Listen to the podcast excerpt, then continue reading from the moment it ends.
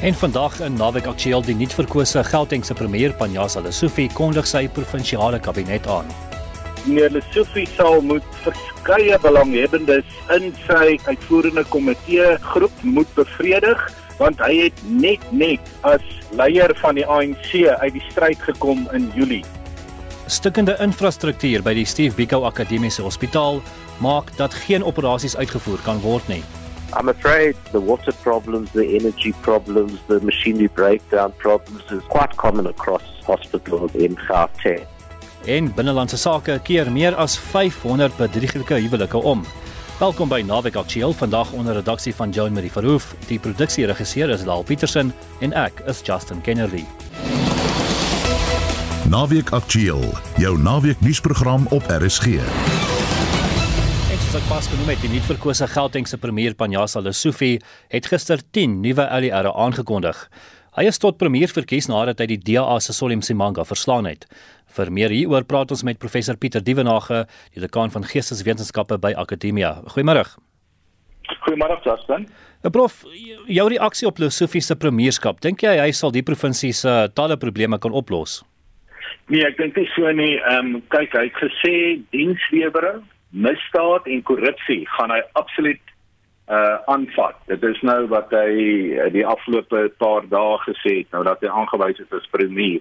Maar hy sit reeds in 'n kabinet van Gauteng provinsie sedert 2014 wat basies niks aan dienslewering, misdaad en korrupsie in Gauteng gedoen het nie. So hoe hoe moet ons sy woorde opweeg teen sy dade?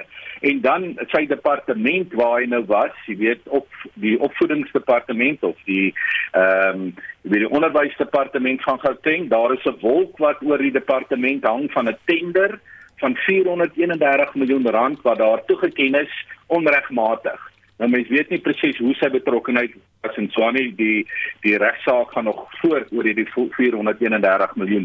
En dan die skole wat hy bestuur het, jy weet in sy vorige departement, 80% van hierdie skole, veral in die townships, is tot 'n groot mate disfunksioneel. So as mense hom nou moet ernstig opneem oor dienslewering, misdaad en korrupsie, dan wil ek sê daar is niks in sy loopbaan wat vir 'n mens sê dat hy enigsins hierdie belofte sal kan nakom nie. Hy het byvoorbeeld ook gesê dat hy 'n privaat farmaseutiese maatskappy wil stig. Wat lees jy daarin? Wel, hy maak vreemde uitsprake. Hy wil 6000 polisiemanne in Gauteng aan, aanstel wat ek nie verstaan waar dit vandaan kom nie, want daar is die metropolisie en die Suid-Afrikaanse polisie. So hy maak vreemde uh stellings en mens moet hom onthou hy was voorsitter of die president van die sokkerklub Marokko Swallows wat ook 'n kreeftegang gegaan het. So dit lyk my die dinge waaraan meneer Lesofie raak gaan die kreeftegang en dan drome hierdie verskriklike drome en hy het hierdie ongelooflike retoriek maar dit is eintlik maar net 'n sak wind. Nou die mense wat hom moet bystaan met hierdie uh, besluite is die lede van sy uitvoerende raad wat hy nou gister bekend gemaak het. Enige name wat vir jou uitstaan? Die interessante is die oorgrootste meerderheid van hierdie kabinet van hom of die uitvoerende komiteelede van Gauteng kom uit die Makura era. Dit is baie baie interessant. So hy het nie met 'n besem gaan skoonvee daar nie. So meneer David Makura se mense sit nog daar. Ek dink hy het net twee nuwe aanstellings gemaak, natuurlik die een in sy ou portefeulje van uh onderwys waaroor ons uh, binnekort uh, kan gesels. Maar so hy het, hy het in terme van sy kabinet het hy kontinuïteit uh gehandhaaf maar weer eens die dieselfde is van toepassing op hierdie lede van die uitvoerende komitee. Hulle kom uit die era van uh David Makura en daar is niks aan dienslewering, misdaad en korrupsie gedoen nie. So nou sit hy met hierdie uh, kabinet. Ek dink daai mense en selfs meneer Lesofie is eintlik maar net daar om hulle hande op die hulpbronne van die Gauteng provinsie te kry en eintlik om nie enige vorm van goeie bestuur uh te laat bestendig nie. Al hou jou lyf asseblief onderwyser uh, en vertel ons meer van hierdie LER vir onderwys. Uh, Matome Chiliwane, gaan hy die mas kan opkom? Nee, ek dink nie vir dieselfde redes wat ek pas gesê het. Uh, meneer Matome Chiliwane kom uit die ANC jeugliga.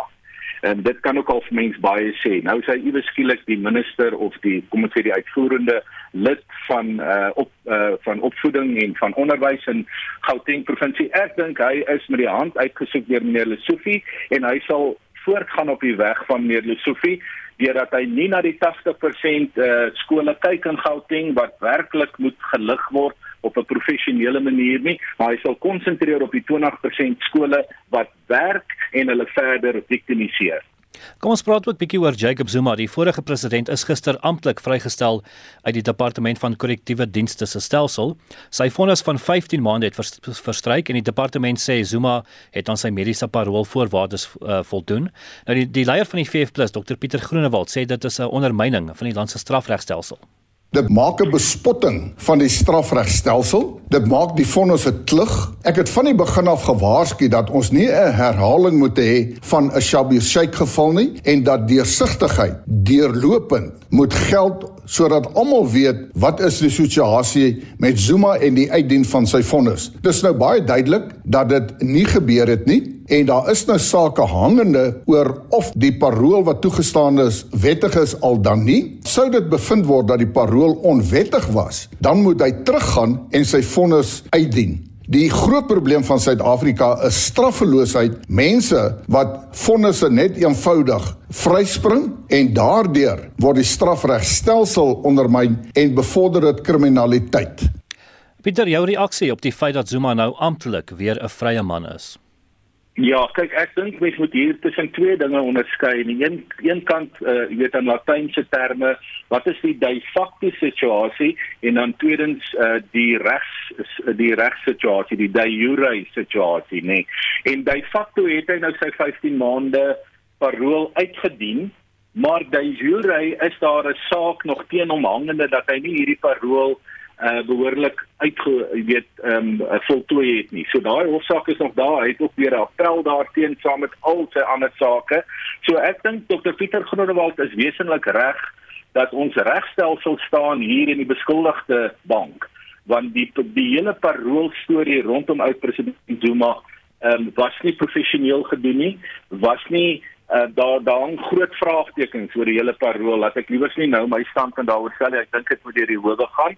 Maar weer eens net 'n slotopmerking uh, Justin. Ek dink mense moet hier onderskei tussen de facto wat het feitelik nou afgeloop in sy parool en de jure was dit regmatig. Uitstekend, dit was professor Pieter Dievenage, dekaan Geesteswetenskappe by Akademia. Die Steve Biko Akademiese Hospitaal in Tshwane kan geen operasies uitvoer nie weens stikkende lugversorgers. Die hospitaal sê dit sal moeilik wees om infeksies te beheer indien daar wel operasies uitgevoer word. Meer as 1000 pasiënte word hierdeur geraak. Nou volgens die Skadi ALR vir gesondheid in Gauteng, Jack Bloom, is dit net nog 'n simptoom van swak leierskap in die provinsie. Air conditioning at the operating theatres has been broken since Wednesday last week. What this means is that temperatures are too high for the surgeons to go ahead with operations. It becomes more risky as far as infection is concerned if uh, you operate in a high temperature. Now, I, I problem is that uh, there's been poor maintenance of air conditioning units, not just at Steve Beaker, but other hospitals as well. And it's done by the Department of Infrastructure Development, an entirely separate department which is notoriously corrupt and incompetent. Volgens Bloem is dit nog 'n instandhoudingsmislukking deur die Departement van Infrastruktuurontwikkeling wat aanhou om onbevoegde kontrakteurs aan te stel wat nie die werk kan doen nie. In hierdie geval kon die eerste kontrakteur nie die verkoelers herstel nie. And they already got one contractor in to try and fix the unit at the Biko Hospital, and uh, this contractor failed to do the job, and they had to get another contractor to do the job. Uh, I, I really think the solution is that uh, hospital managers need to be empowered to do maintenance, uh, to get uh, decent contractors who can do the job. But we have a terrible situation now. There are some patients who've been waiting more than a month for their surgery. Uh, all the surgery that they're doing now is only emergency surgery. So people uh, coming for non-urgent operations are, are suffering and, you know, they, they're stuck in the wards. They should have operation and be discharged. As 'n sentrale nasionale hospitaal kan hulle op enige gegeewe tydstip meer as 1000 pasiënte hê wat wag op een of ander operasie. There's also an unofficial backlog where people need to see a specialist to get on the waiting list in the first place. So I, I think that you know certainly hundreds and uh, I think thousands of patients are, are on the waiting list. You know you can wait uh, three to five years for uh, a hip operation. Now imagine that you're scheduled for a hip operation at this present time and they tell you, no, we can't do it because uh, the air conditioning is not working. You know, it, it should be a simple thing to make sure that air conditioning is working for operating theatres. It's absolutely essential that uh, surgeons operate at the, the right temperature because uh, the higher the temperature, the higher the, the risk of uh, infections.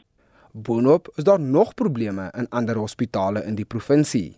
The other major hospital with an air conditioning problem is currently the Schaffenheck Johannesburg Hospital, and there uh, some of the surgeons are going ahead with surgery despite the, the extra risk because uh, they want to cut the long waiting list. So I'm afraid uh, uh, the water problems, the energy problems, the machinery breakdown problems is, is quite common across uh, hospitals in, in Gauteng. And I really think there's, there's some terrible management failures. You know, they, they, they need to put uh, tip top CEOs in charge of these hospitals. They need to give them full powers to, to run the hospital, but uh, uh, they have this separate department called the Department of Infrastructure Development that is, you know, hopelessly incompetent, uh, hopelessly corrupt, quite frankly, and, and they're supposed to maintain machinery in hospitals. That was Jack Bloom, die Skadi ALR vir gesondheid in Gauteng. Ek is Vincent Mufokeng vir SAIK nuus. Die wynland is hierdie jaar willer as die wildtuin vir die 22ste Toyota ES Woordfees. Kom bevredig jou kreatiewe lus met 'n feesprogram wat skrik vir niks. Van skrywers en boeke, toneel en musiek, gesprekke en visuele kuns tot stand-up komedie, dans en leefstyl. Maak jou verbeelding los in Stellenbosch tussen 10 en 16 Oktober. Kaartjies deur webtickets. 55 miljoen rand in totale gewaarborgde boerpotte kan jou lewe verander. Speel Lotto vir 30 miljoen rand en Lotto +1 vir 25 miljoen rand in gewaarborgde boerpotte hierdie Saterdag. Koop jou kaartjies nou in die winkel of by nationallottery.co.za op ons mobiele toepassing, selfoon bankdienste of skakel eenvoudig ster 120 ster 7529 Honda Push Up Play. Spelers moet 18 jaar en ouer wees. Speel verantwoordelik. Ituba is die trotse operateur van die National Lottery. Jy luister na Naweek Aktueel elke Saterdagmiddag tussen 12 en 1.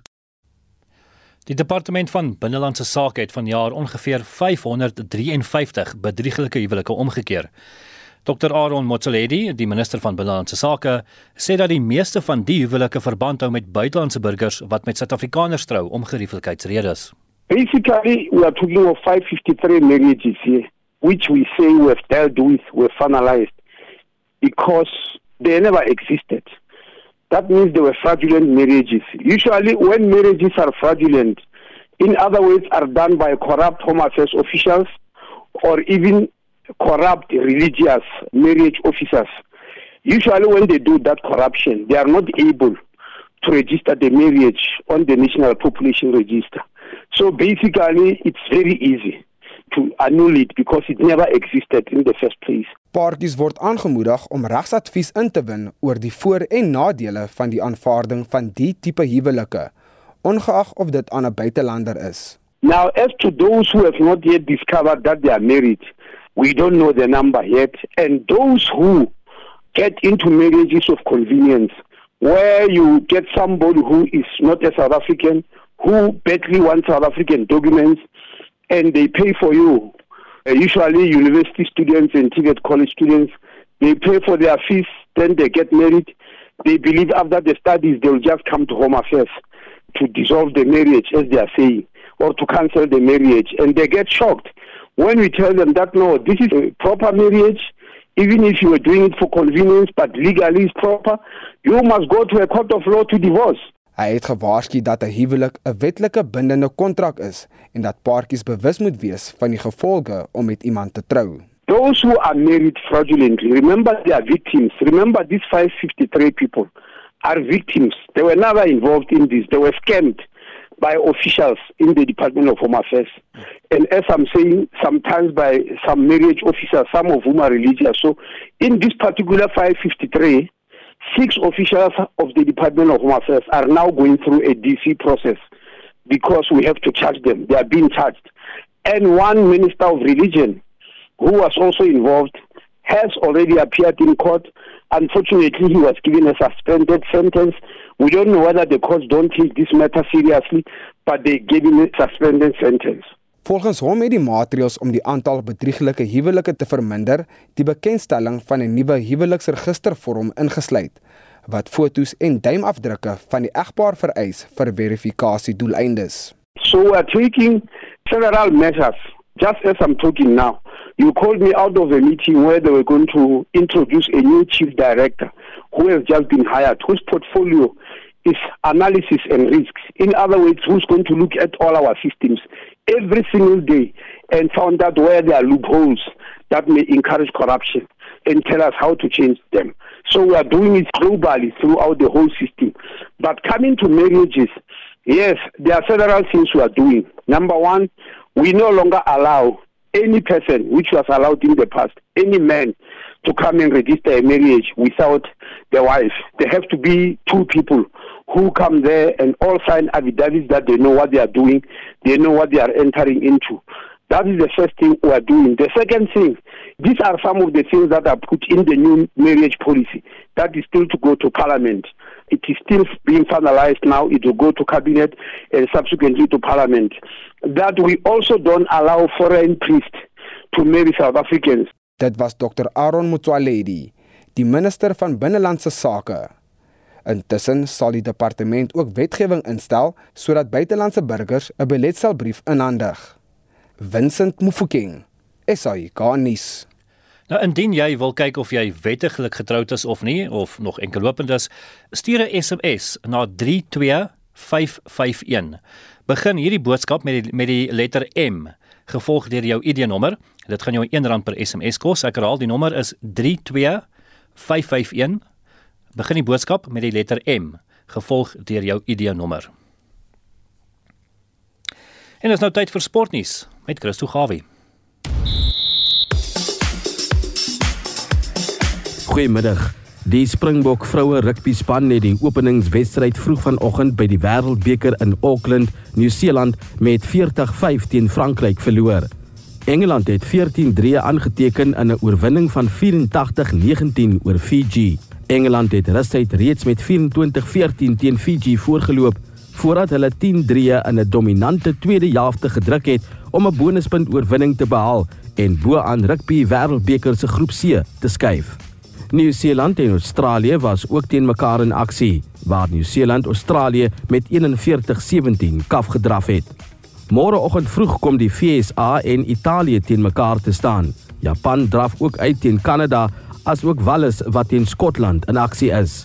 Al die aksie begin reeds van kwart voor 2 af môreoggend vroeg Suid-Afrikaanse tyd.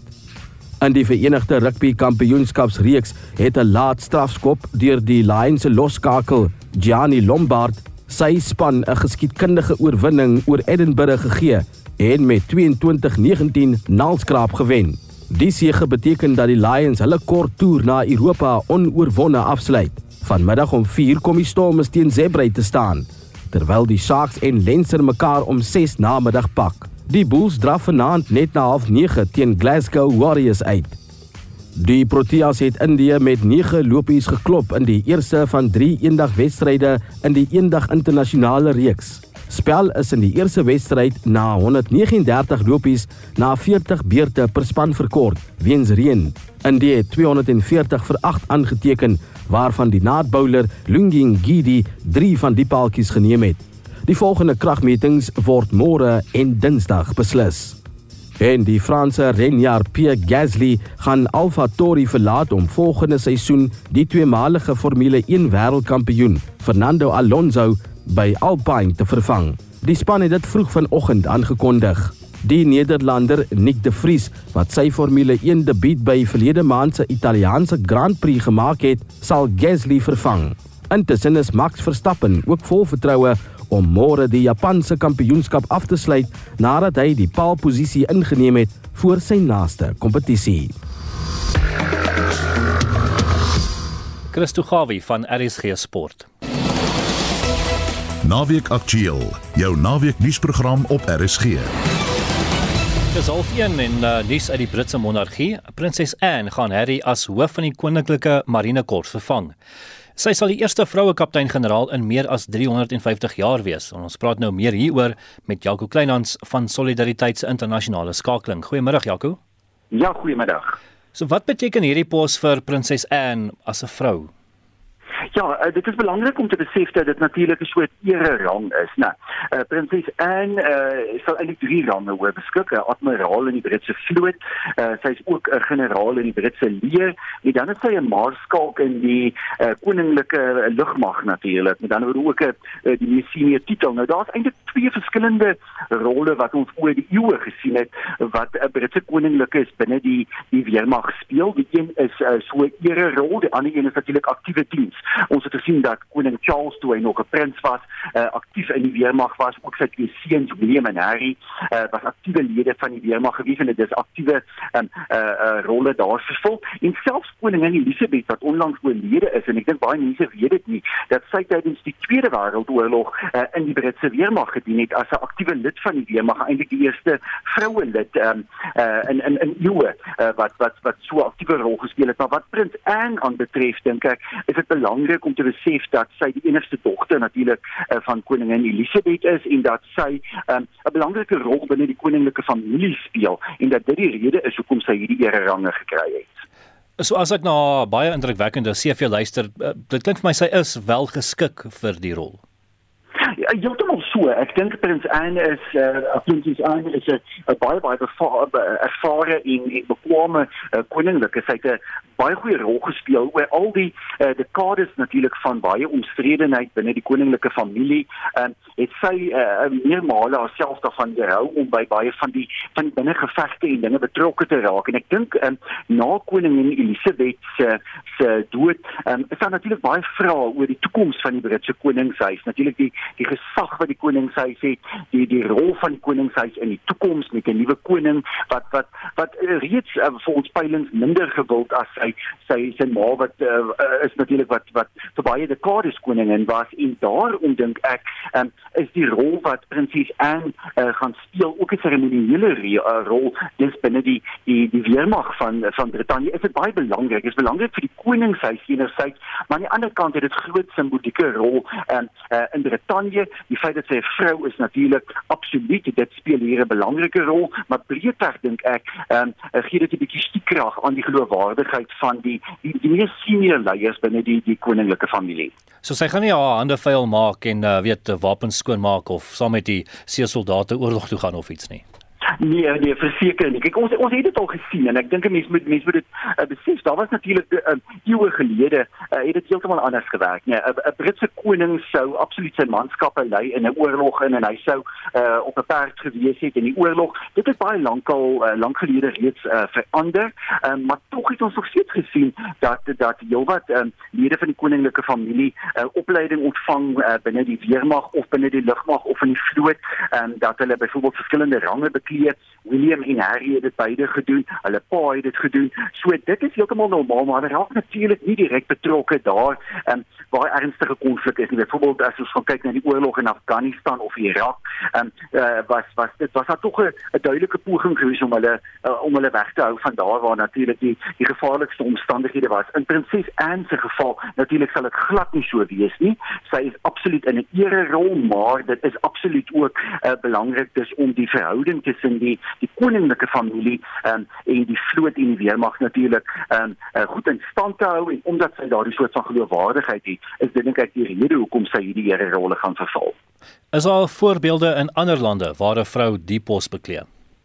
Daar daar is ander voorbeelde in Europese lande definitief. Ehm um, uh, ons het reeds gesien dat van die koninklike families in sommige van die skandinawiese lande uh, ook sulke posisies bekleed het. So dit is ehm um, uh, dit is iets wat toenemend uh, in Europa in Europese konteks gebeur, maar dan keer op keer natuurlik hoofsaaklik as 'n ere rol. Nie noodwendig binne aktiewe dienste. Ek dink uh, geen van die Europese lande wat nog 'n koningshuis het, wil natuurlik graag sien dat dat senior lede van hulle koningshuis ehm um, direk ehm um, in in oorlog betrokke raak nie maar uh, ons sien 'n definitiewe toename in vroue wat um, hierdie senior rolle opneem binne lugmag, weermag uh, of die vloot van dan verskeie lande.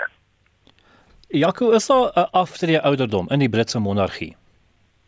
In die Britse monargie nie die, in die Britse weermag staan aftrede van 65 um, in die monargie nie en daar's eintlik tans 'n uh, interessante debat oor die koste natuurlik van die monargie. Dit kos natuurlik Britte 'n hele paar paar uh, miljoen pond elke jaar om die Britse koningshuis uh, aan die gang te hou. Vir die vorige boekjaar was dit meer as 102 uh, miljoen pond gewees. Dan het die koningshuis natuurlik baie bates, né? Hulle het hulle baie groot eiendomme wat hulle besit. Hulle verdien ook baie inkomste uh, uit hierdie eiendomme. Maar daar is tans beweringe dat koning Charles die die um, persone die die getal lede van sy familie wat permanent in diens is van die koningshuis dat hulle wil verminder na 7. Nou dit sal natuurlik beteken dat iemand soos prinses Anne uh, moontlik nie meer 'n um, uh, voltyds in die diens gaan wees van die koningshuis natuurlik 'n voltydse inkomste verdien nie, maar dit bespiegelinge wat tans aan die gang is.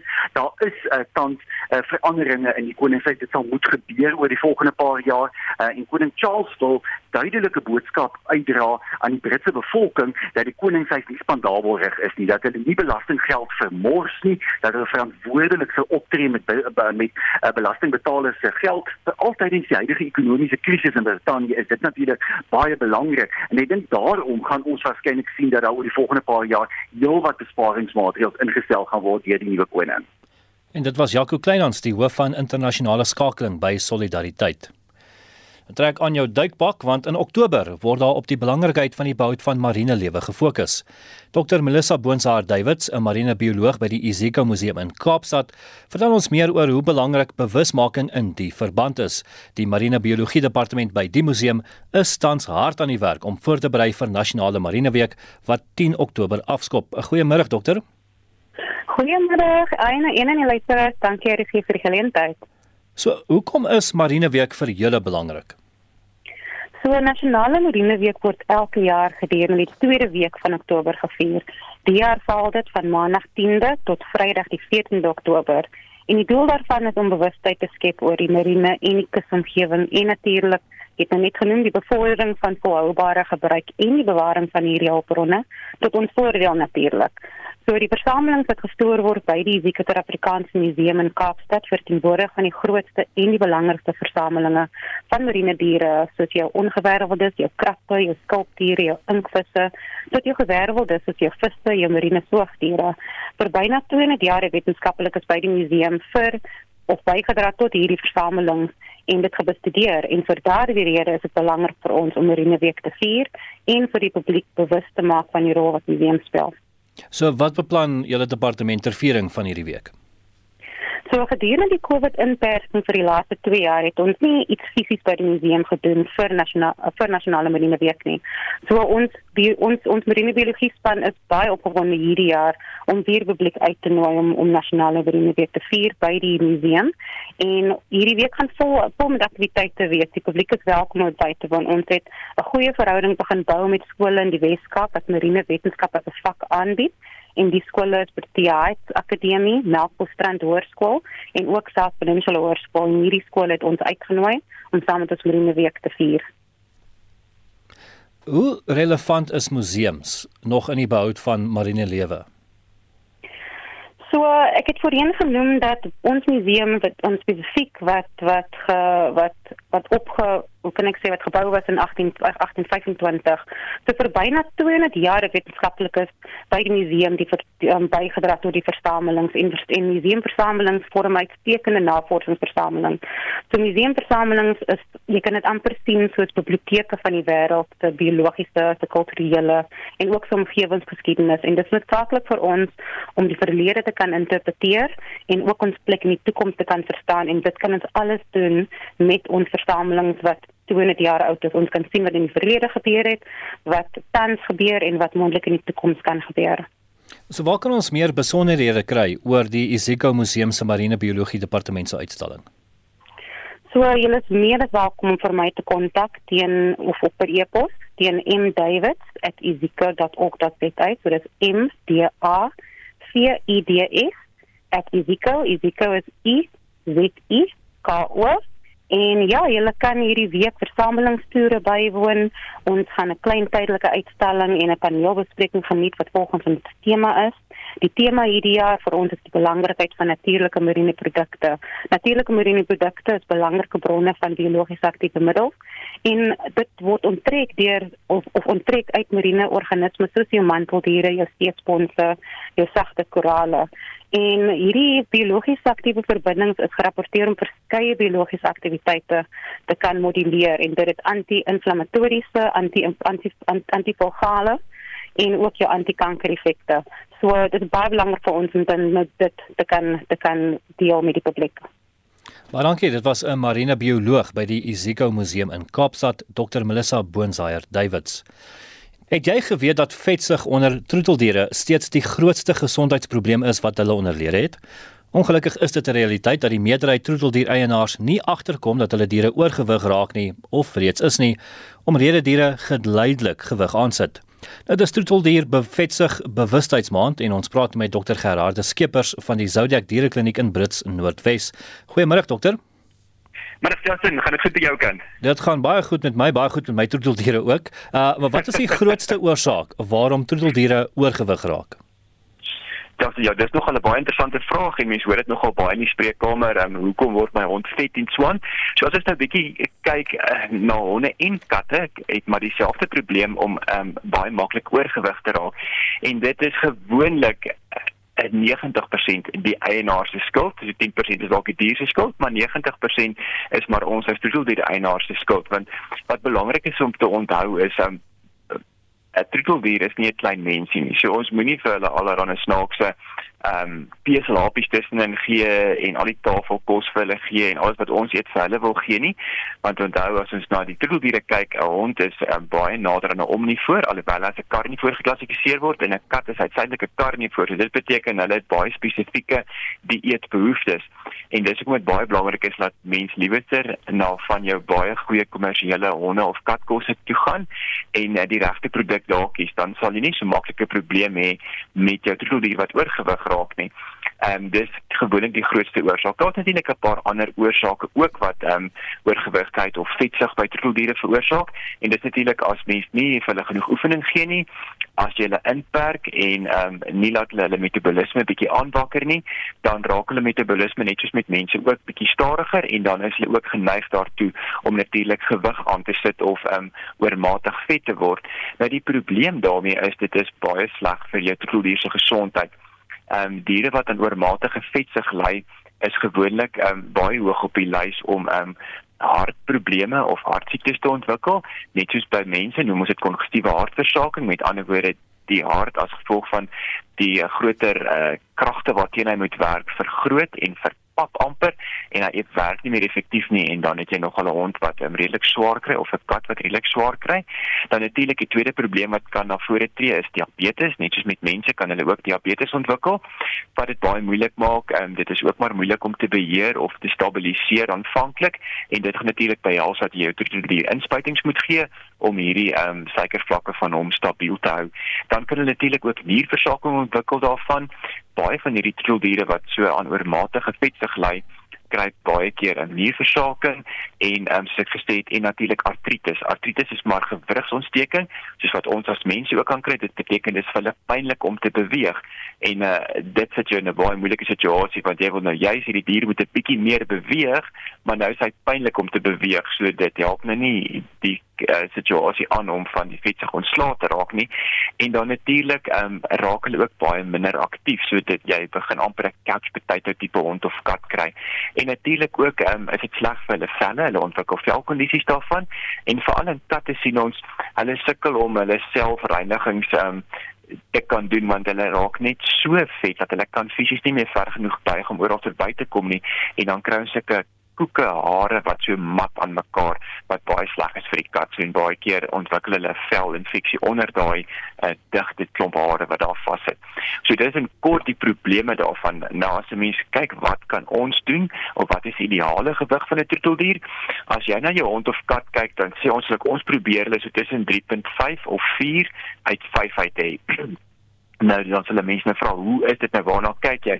Die maklikste manier is as jy jou hond van bo af kyk, dan moet hy nie begin rond uitpult nie, nee, hy moet mooi reg afloop.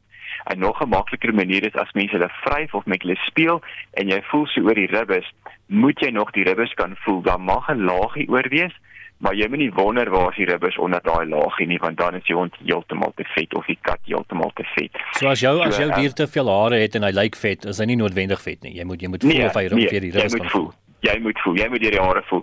'n Baie mooi manier met die honde wat jy gewoond aan bad is, is jy hom nat maak en val die hare van dat jy presies sien hoe lyk jou hond. So dis nogal snaaks.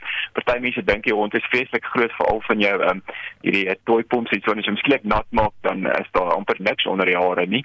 So dis nogal belangrik dat jy dit voel en daarna kyk. En as ons net klaar met 'n die dier sit wat ehm um, aan vetsig ly, is daar natuurlik 'n paar uh, stappe wat ons kan neem om dit te probeer regstel. Nou die die gemaklikste of belangrikste of maklikste stap is, jy gaan na jou plaaslike veearts toe. Ons het almal dieetprogramme ehm um, waarop ons hierdie diere sit en dit word nasionaal deur van jou groot ehm um, hondekosmaatskappye gedryf wat uh, baie goeie materiaal vir ons gee om vir die kliënte kan gee gewigskaarte wat hulle kan aanteken dit verduidelik vir hulle hoe om, om die program te doen. Um, ons doen weeklikse weegsessies met hierdie diere en is 'n spesifieke dieet wat geformuleer is om daai dier te help om dan natuurlik hierdie oormatige vetsug te verloor. Maar wat hand in hand daarmee saamgaan is dis baie belangrik. Ons moet ons troeteldiere oefening gee. Jy moet bietjie met hulle gaan stap of met hulle gaan draf of met hulle bal speel net om hulle bietjie te stimuleer om daai oortollige energie kan jy amper sê te verbrand wat later in vet omgesit word. En dan natuurlik is dit bitter belangrik om te kyk die hoeveelheid kos wat ons vir hulle gee. daar is van die troeldiere wat jy 'n vol kosbak daar kan los en hy sal homself ransoneer maar dan kry jy ongelukkig van die ander en ongelukkig is jou wolfshonde en labradors val in hierdie groep en solank daar kos is eet hulle en dit is gewoonlik hierdie twee rasse wat die grootste probleem met vetsug het. So dis belangrik om seker te maak jy kyk na die aanbevole dosis op die hondekos wat jy vir jou hond gee en maak seker jy gee net daai hoeveelheid per dag. Ons beveel baie keer aan om klein hondjies wat nog pappies is, wat nog groei met ander woorde, drie keer 'n dag kos te gee en volwasse honde beveel ons aan gewoonlik twee keer 'n dag. Daar's baie mense wat hulle net een keer 'n dag kos gee en daar's niks meer fout nie, maar jy oorlaai amper die stelsel met 'n klomp kos gelyk en wat gaan doen die hond? Hy gaan slaap daarna net soos ons as jy nou lekker sonoggmiddag geëet geëet het dan wil jy dan regtig ware slaapie gaan vang. Dieselfde gebeur met jou troeteldier. So deur daai daaglikse hoeveelheid kos wat hy moet kry in twee dele op te deel, is dit vir hom gemakliker en hy bly meer aktief nadat hy geëet het. So met ander woorde, hy verbrand baie van daai energie sodat dit nie omgesit word in vetselle nie. Baie dankie dokter. Daar leer ek nou ek is 'n labrador want ek eet ook gereeld. dokter Gerardus Skeepers van die Zodiac Dierekliniek in Brits Noordwes. Teen met voor 1 in Oktober is wêreld geestesgesondheidsmaand en die jaar word daar veral gefokus op die destigmatisering van geestesgesondheid. Die direkteur van mediese dienste by Vista Kliniek, Dr. Jerry Besuidenhout, sê dat geestesgesondheidstoestande tans die een siekte is wat tot die grootste verlamming in die mensdom lei. Kyk, die WHO, die Wêreldgesondheidsorganisasie het op hierdie stadium nou bevind dat psigiatriese siektes en veral vir depressie is 'n siekte wat die grootste gestremdheid veroorsaak en dit gaan toeneem. So dit is definitief 'n siekte wat aan die toeneem is in die wêreld. Ons verstaan nie altyd mooi hoekom presies dit toeneem nie, maar dis hoekom ons moet kyk daarna. En die hoofrede hoekom mense nie gaan vir behandeling nie, is stigma en die gebrek aan kennis. Die derde een is maar die toegang tot middele om vir behandeling. So ons probeer nou iets doen in daai eerste twee. Ja, maar so stigma is mos met daai negatiewe of afkerende gevoel wat mense het rondom iets binne 'n samelewing. So dit is letterlik 'n gevoel wat stigma is. Dit is nie gekoppel aan feite nie. Nou dis ook om om die fokus daarop te sit. Is die hoop dat ons kan feite deurkry en mense dan die gevoel kan verander. Word daar meer mense aangemeld met geestesgesondheidsprobleme of is dit omdat daar meer bewustheid is dat al meer mense na vorentoe kom en sê goed, maar ek voel nie lekker nie? Ek dink dit is 'n kombinasie van al twee. Ek dink werklik waar ons sien meer mense wat siek raak en ek genadiglik te kom meer mense ook vir hulp. Hoe meer mense wil kry en meer mense daaroor praat, hoe meer mense is bereid om te kom vir die behandeling daarvan. Ons wêreld is maar baie kompleks en ek dink daai hoë druk en die kompleksiteit en dan nog 'n klomp biologiese faktore ook wat ons nie mooi verstaan nie, maak dat daai tipe siektes meer word. Maar hoe anders hmm. kan mens die stigma daar rondom versag? Maar kom vir julle wat ons gedoen het by die hospitaal en ons probeer ons pasiënte oplei om dit op 'n dieselfde manier te kan doen. Ons weet ons in plaas van om nou te gaan sê kom ons kry ander woorde het ons besluit kom ons vat hierdie woord crazy mal wagafa lunatic wat wat jy hom wil noem en ons omarm dit. So ons hele destigmatiserings proses hardloop op crazy for walking. Met ons het 'n ons personeel het, het van Pretoria af Kaapstad toe geloop. Het en almal gesê maar sy's mal om dit te doen. En daai malheid kan mens nie voor pille gee nie. Ja. En om met 'n vliegtuig uit te spring is mal, jy weet, jy's mal verlief en goed. So ons probeer mense wys dat vat hierdie woord en vat hom aan. Sodat as mense jou so probeer tipeer, kan jy vir hulle met hulle gesels rondom dit. Wat is daar is daar tekens waarna mense kan kyk dalk vir mense self om te sê maar ooh weet jy wat ek mag dalk ek voel dalk nie dit wat ek nou voel is nie iets normaals nie. Dis wat ek wil baie keer daai vraag gevra jy weet maar hoe onderskei ek tussen normaal en dan hierdie dit in siekte? En dis patrone. As mense se patrone verander vir langer as 2 weke na mekaar en jou patroon is vir meeste van die tyd anderste dan moet jy ou gaan kyk wat is aan die gang. Kyk daar's nou is iemand byvoorbeeld nou rou dan dis een van die moeilike goed om te onderskei van siekte, want dit is 'n normale proses. Maar andersins, as jy begin weet jy waar jy gewoonlik in die oggend opgestaan het en gehuppel het en geglimlag en almal gegroet het en jy begin jou voete sleep en jy gesels met niemand nie en dit vat jou so 2 ure om net in die gang te kom in die oggende. En daar's nie ander redes daarvoor nie. Dan moet jy begin kyk maar wag 'n bietjie wat is hier dan nie gebeur? Dit is jou interaksie tussen mense begin verander. Jou denke. Is jy gewoonlik 'n uh, of 'n neutrale denker of 'n uh, positiewe denker is. En dit swaai na negatief toe. En dit blyk meer as konstant daar en dan moet jy begin kyk. En jy wil graag patrone as ons kyk na siekte dan wil ons patrone uit veranderende patrone uit, uit verskillende aspekte van ons lewe uit. So met emosioneel, sosiaal, geestelik sowel as fisies en dan sê ons okay, goed. Daar's weet dis nie net normaal nie, daar's iets anders daar rondom dit. So as mense gaan kyk, net bewus wees van daai patrone van verandering en dan daaroor praat. En die, maar die groot mite is dat as ek praat oor hierdie goed, dan mag ek dit erger.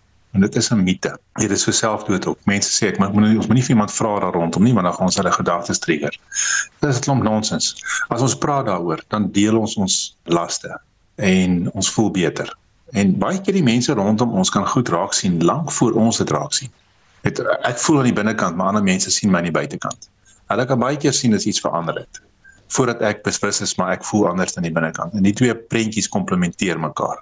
As deel van julle bewusmaking gaan julle dan hierdie malle gestap doen. Vertel my daarvan. Goed, ons het so 5 jaar gelede begin met 'n met die stap af Kaap toe, net 'n bewusmaking te doen en het ons daarna dit opgebreek in areas in.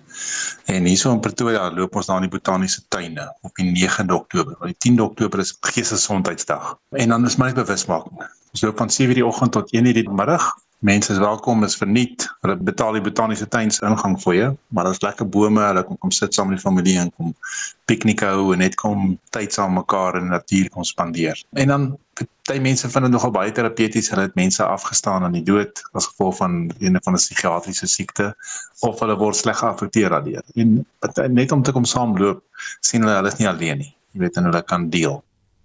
Dit was die direkteur mediese dienste by Vista Clinic, Dr. Jerry Besuidenhout. En in ons weeklikse motorrubriek bespreek Wessel Pretoria se luisteraarsbriewe.